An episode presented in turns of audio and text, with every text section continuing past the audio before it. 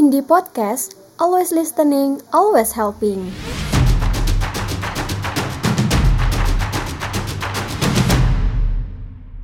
Hello everyone, welcome to the first episode at Indie Podcast.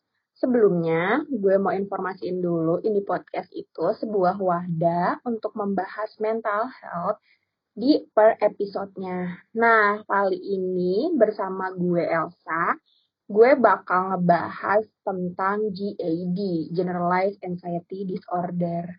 Di sini tentunya gue nggak sendiri, gue sama temen gue ada Rene. Hai. Halo Elsa, halo semuanya. Hai, coba bisa kenalin nih siapa sih Rene tuh?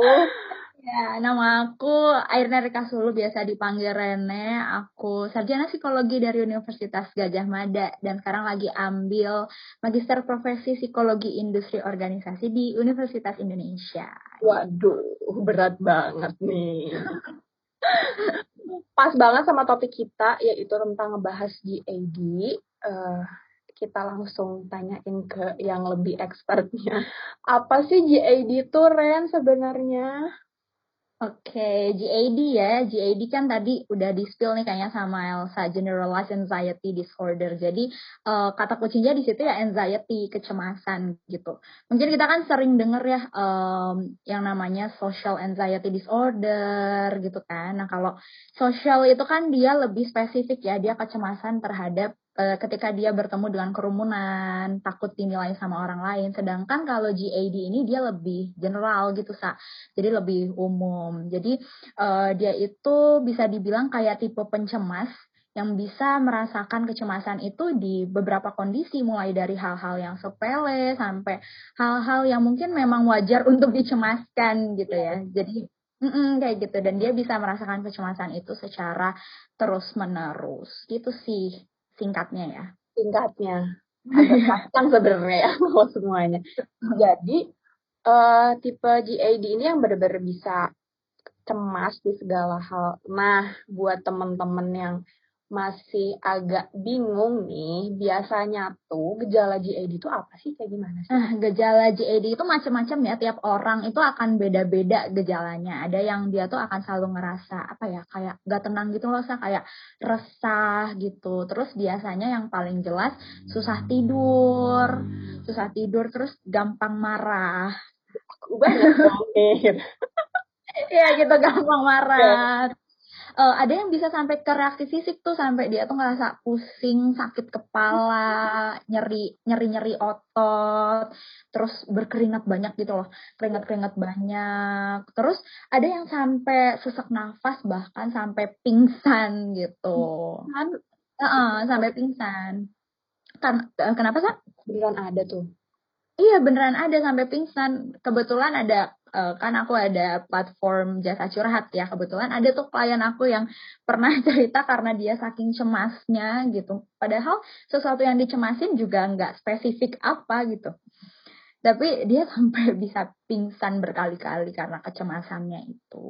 Gitu. ya ampun. Terus biasanya kalau GAD itu ada nggak sih trik khusus untuk uh, mengurangi gejala ataupun misalkan orang udah terdiagnosa nih dia jadi GAD gimana sih cara untuk meminimalisir adanya gejala? Ya, jadi kalau misalkan uh, how to deal gitu ya with GAD ini, kalau misalkan memang da, lagi di kondisi yang benar-benar panik banget, itu kalau Elsa pernah nonton apa tuh drakor yang It's Okay to Not Be Okay oh, ya? Ya, ya, ya, ya itu kan dia kan uh, kalau Elsa lihat di filmnya ada butterfly effect. Jadi dia tuh gimana caranya dia bisa hak uh, peluk dirinya sendiri gitu, kayak menenangkan dirinya sendiri.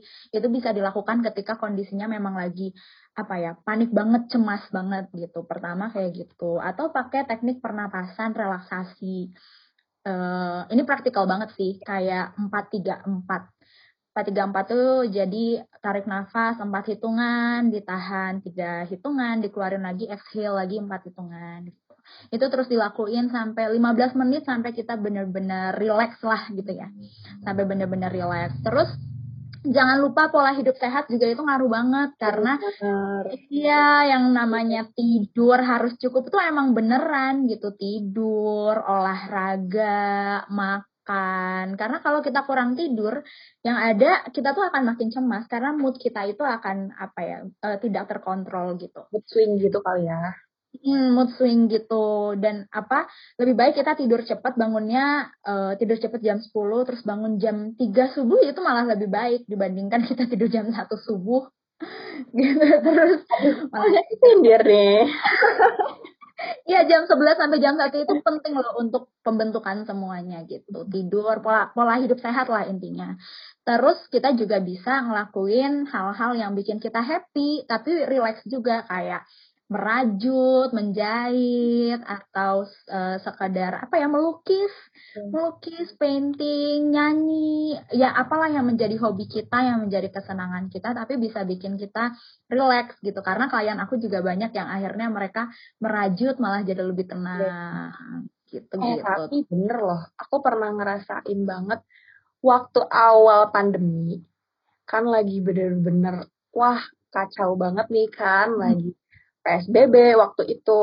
Terus aku coba untuk beli uh, rajutan gitu rajutan yang basic gitu dan ternyata benar-benar helpful banget. Aku lupa waktu maksudnya bukan lupa waktu gimana ya tapi maksudnya nggak kerasa aja gitu loh waktu kayak oh udah jam segini ternyata. Yang biasanya sebelum-sebelumnya karena PSBB diem terus malah jadi stres jerawatan gitu kan karena di rumah terus ya gak sih? Bener banget. ternyata itu helpful banget gitu. Iya, jadi kayak ya pengalihan juga ya maksudnya iya. daripada kita overthink, cemas gitu kalau kan. misalkan udah nggak bisa nih membantu diri sendiri, barulah di situ pergi ke profesional kayak ke jasa curhat gitu ya atau ke psikolog. Boleh kok, kamu boleh kok di sini promoin jasa curhat jasa aduh bodoh belibet jasa curhat apa sih kamu tuh ada jadi promosi ya ini ya. Oke, okay, gitu.